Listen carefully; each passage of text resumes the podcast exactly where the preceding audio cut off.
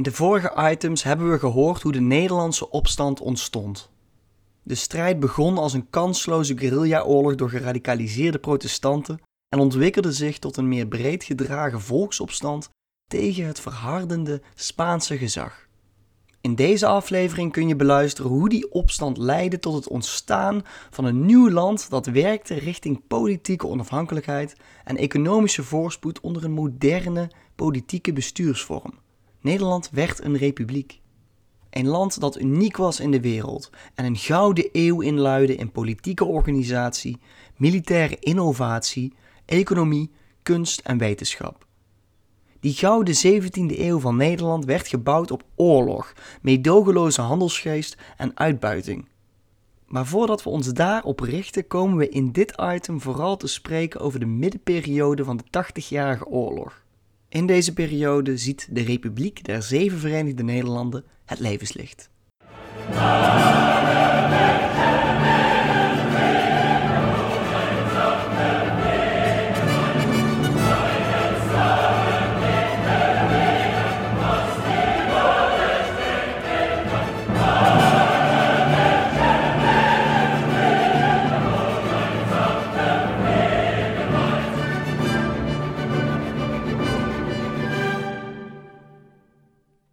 Hoe kon het gebeuren dat het Spaanse wereldrijk onder Philips II, dat enorme welvaart controleerde en een militaire grootmacht was, niet direct in staat was de Nederlandse opstand van een klein deel van haar inwoners de kop in te drukken?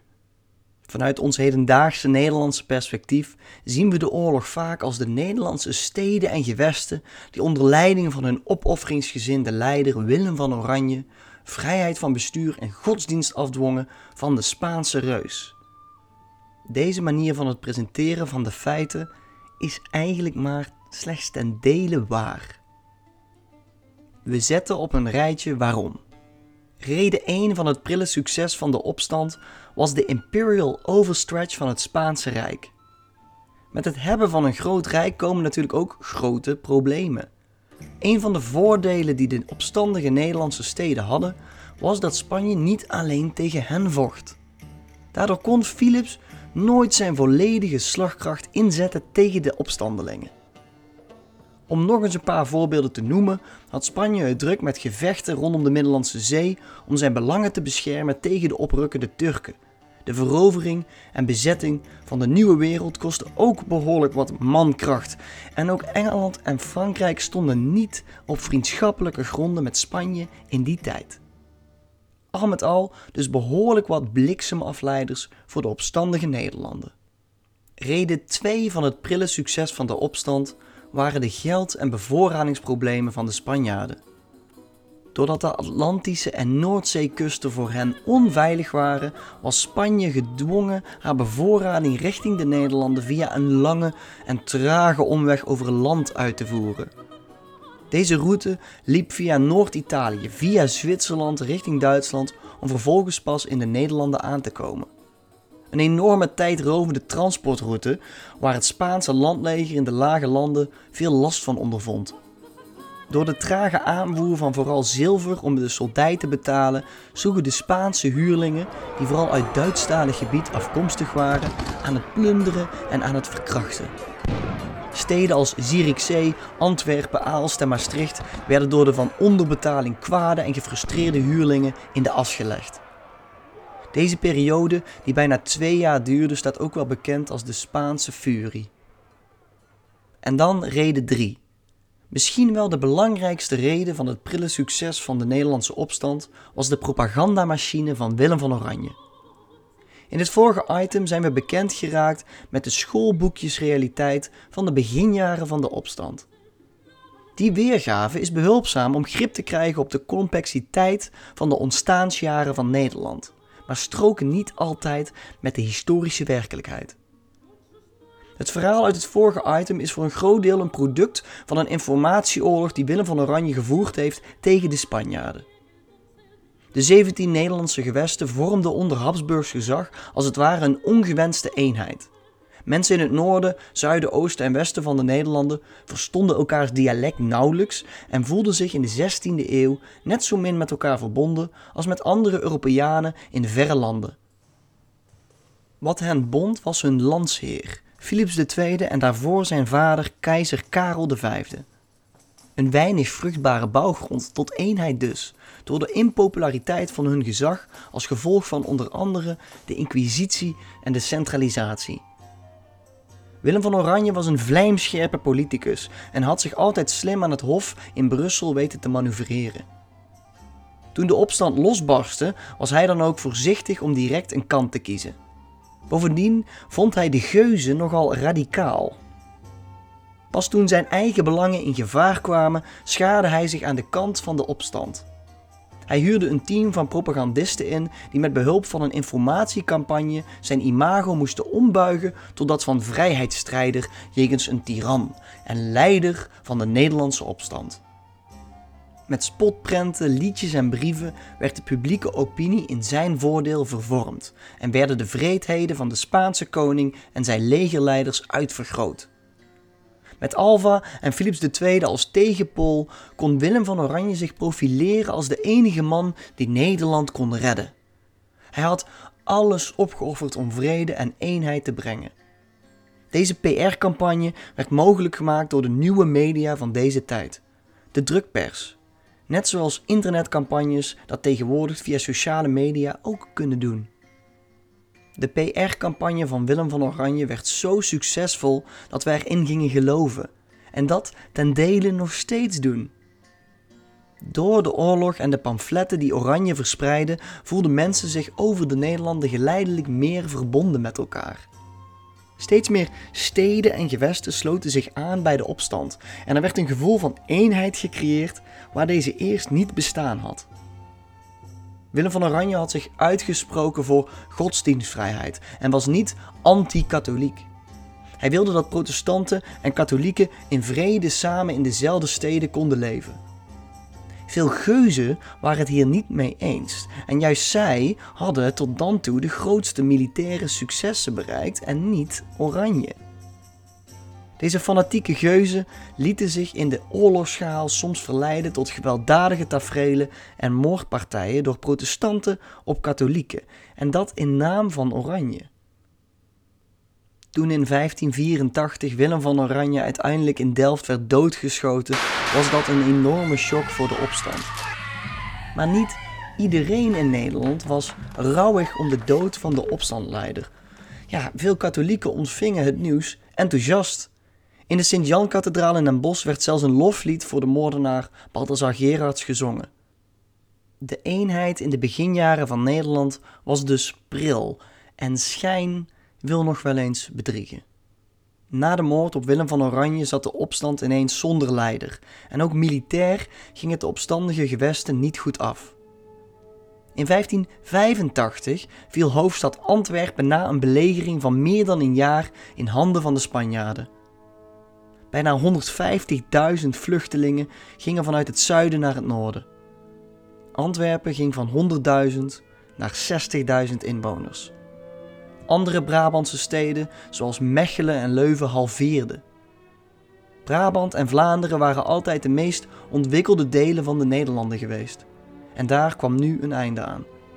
De elite van Antwerpen vluchtte naar Holland en namen hun welvaart en kennis mee om al daar een nieuw leven op te bouwen als de oorlog dat toe zou laten. De opstand verkeerde in een staat van crisis en er leek geen einde in zicht. Het oorlogsfront stabiliseerde zich rond deze periode. Frontsteden als Breda en Den Bosch verkeerden in een constante staat van oorlog. De meest zuidelijke gewesten, waar de eerste brandhaarden van opstand en de beeldenstorm waren begonnen, waren weer in Spaanse handen en hun protestantse bevolking was naar het noorden gevlucht. De contouren van het huidige Nederland begonnen langzaam gestalte te krijgen, maar de opstand zat dus als een kat in het nauw. Er werden verschillende pogingen gedaan om de soevereiniteit van het nieuwe land aan te bieden aan buitenlandse vorsten. Toen dat te vergeefs bleek, besloten de Verenigde Nederlanden het zelf te gaan proberen als republiek. Een redelijk uniek experiment, omdat de rest van Europa voornamelijk monarchieën kende deze vorsten hadden juist macht op de stedelijke elite en de adel herwonnen, terwijl in de Republiek juist de steden het steeds meer voor het zeggen kregen dankzij de opstand. In de Staten-Generaal van de Republiek zetelden regenten, oftewel bestuurders of topambtenaren. Uit alle zeven deelnemende gewesten met een prominente rol voor het gewest Holland, omdat zij de grootste provincie was die de meeste kosten van de Republiek voor hun rekening namen. In de Staten-Generaal werd het buitenlandse beleid en de admiraliteit en generaliteit, oftewel de krijgsmacht, geregeld. De gewesten gingen over hun eigen wetgeving, rechtspraak en belasting en kwamen samen in de Statenvergadering.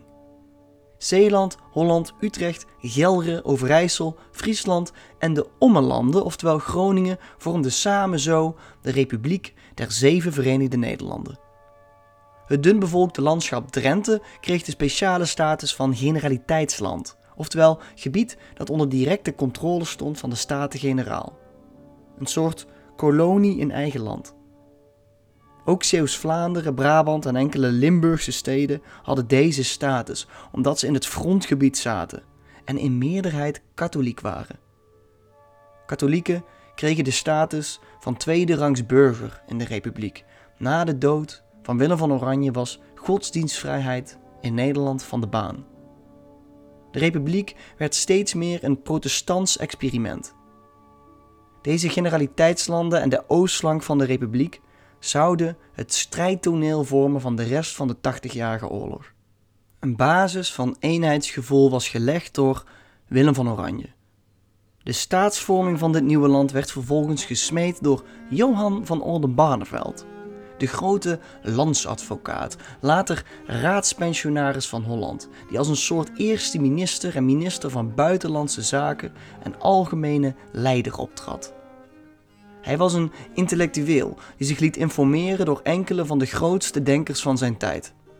Zo was hij persoonlijk bevriend met de rechtsgeleerde Hugo de Groot, die het zeerecht formuleerde dat wij grotendeels nog steeds hanteren. De militaire leiding van het nieuwe land kwam voor rekening van de stadhouder, de hoogste edelman van de republiek. De zoon van de vermoorde Willem van Oranje, prins Maurits. Ieder gewest koos in principe zijn eigen stadshouder als een soort van gouverneur. In de praktijk kozen de meeste gewesten voor de prins van Oranje, waardoor we toch spreken van de stadhouder. Vanaf 1588 keerde het tij voor de opstand. De crisis leek toen over haar hoogtepunt heen wanneer de Spaanse armada, een enorme vloot oorlogsschepen en de trots van het wereldrijk van Philips ten onder gaat in een storm langs de Britse kust.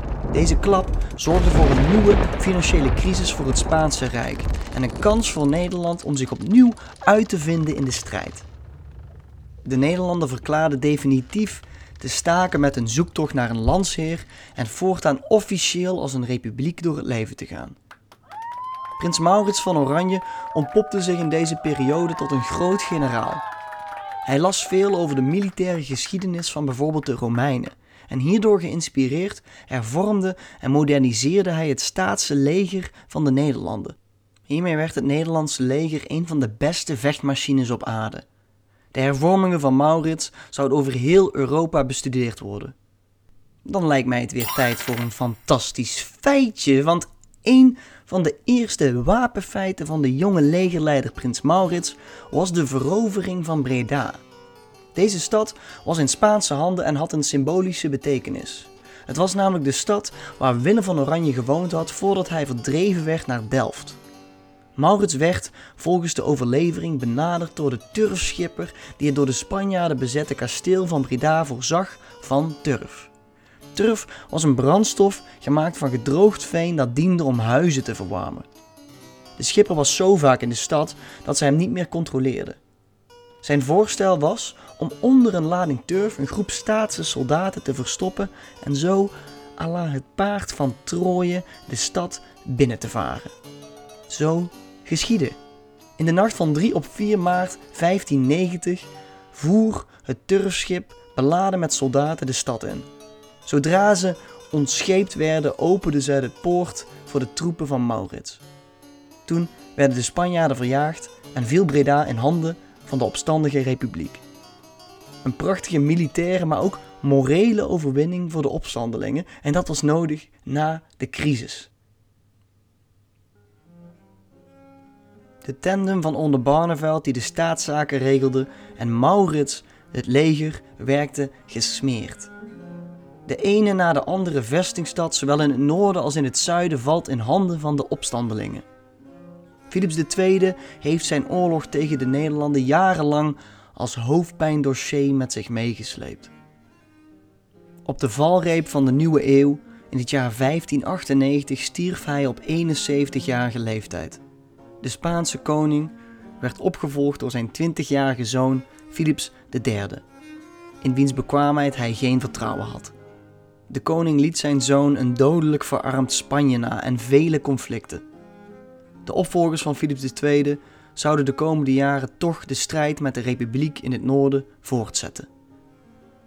Op haar beurt begon de republiek zichzelf niet meer als opstandig, maar als het wettelijke gezag in de regio te profileren.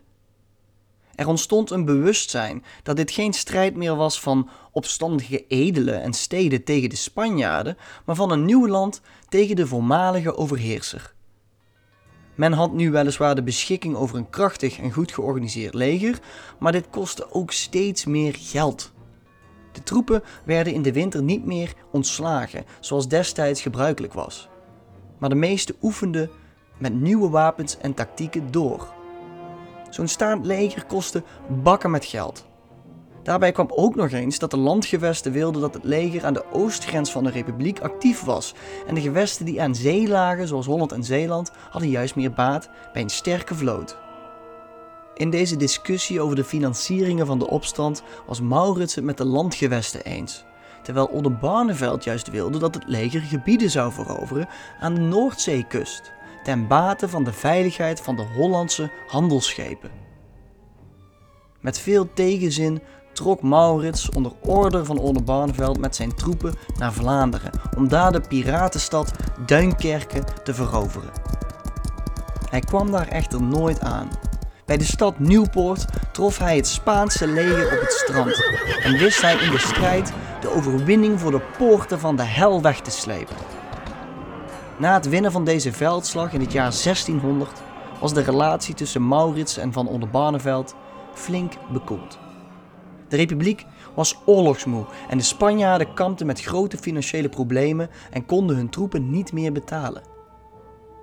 Beide partijen vonden elkaar in het sluiten van een bestand. Een soort staakt het vuren voor een periode van 12 jaar. Dat was in die tijd heel normaal. Van 1609 tot het jaar 1621 werd er niet gevochten in Nederland. In de periode voor het 12-jarig bestand hadden met name Holland en Zeeland zich ontwikkeld tot welvarende handelsgebieden. Na de inname van Antwerpen door de Spanjaarden in 1585 verplaatste het centrum van de handel zich naar het noorden, naar Amsterdam. Tijdens de opstand groeide Amsterdam van een kleine havenstad uit tot een metropool waar veel geld werd verdiend. Onder andere Johan van Oldenbarneveld maakte zich in het jaar 1602 hard voor de oprichting van de Verenigde Oost-Indische Compagnie.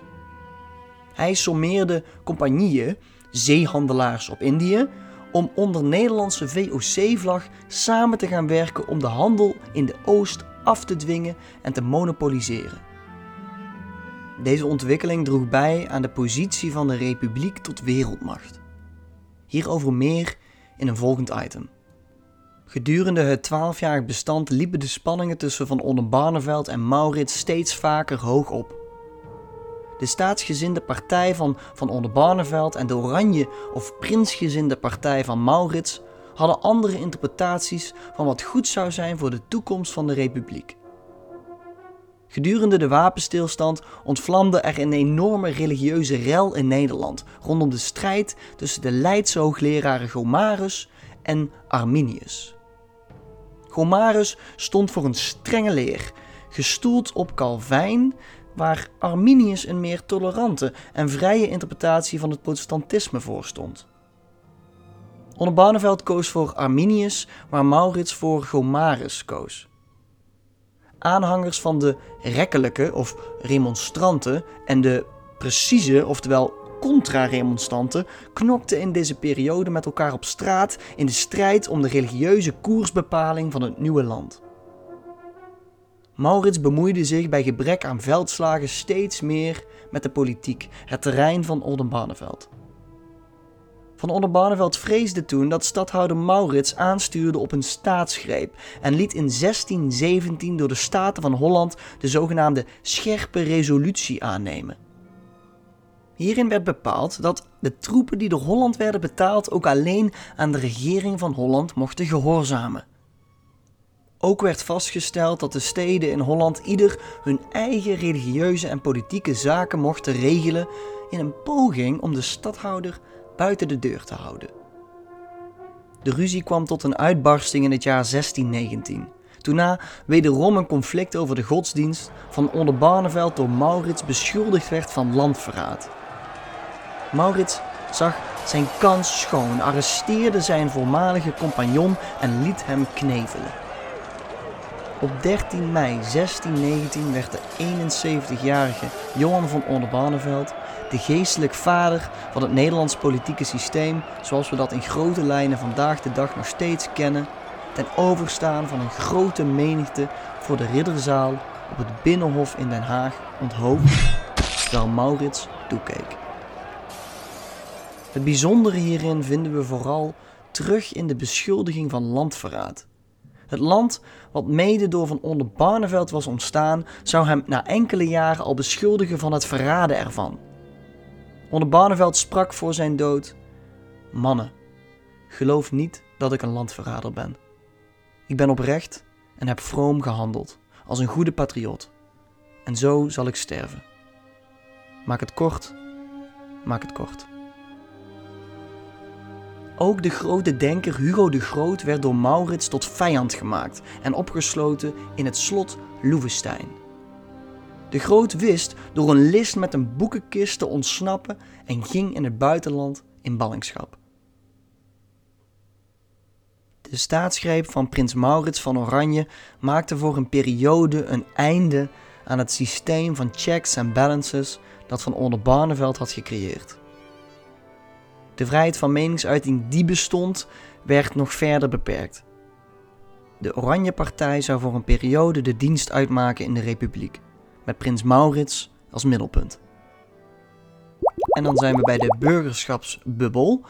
Wat bijzonder is, is dat de republiek als staatsvorm en met haar grenzen ontstond uit een reeks van toevalligheden gedurende die opstand en de oorlog.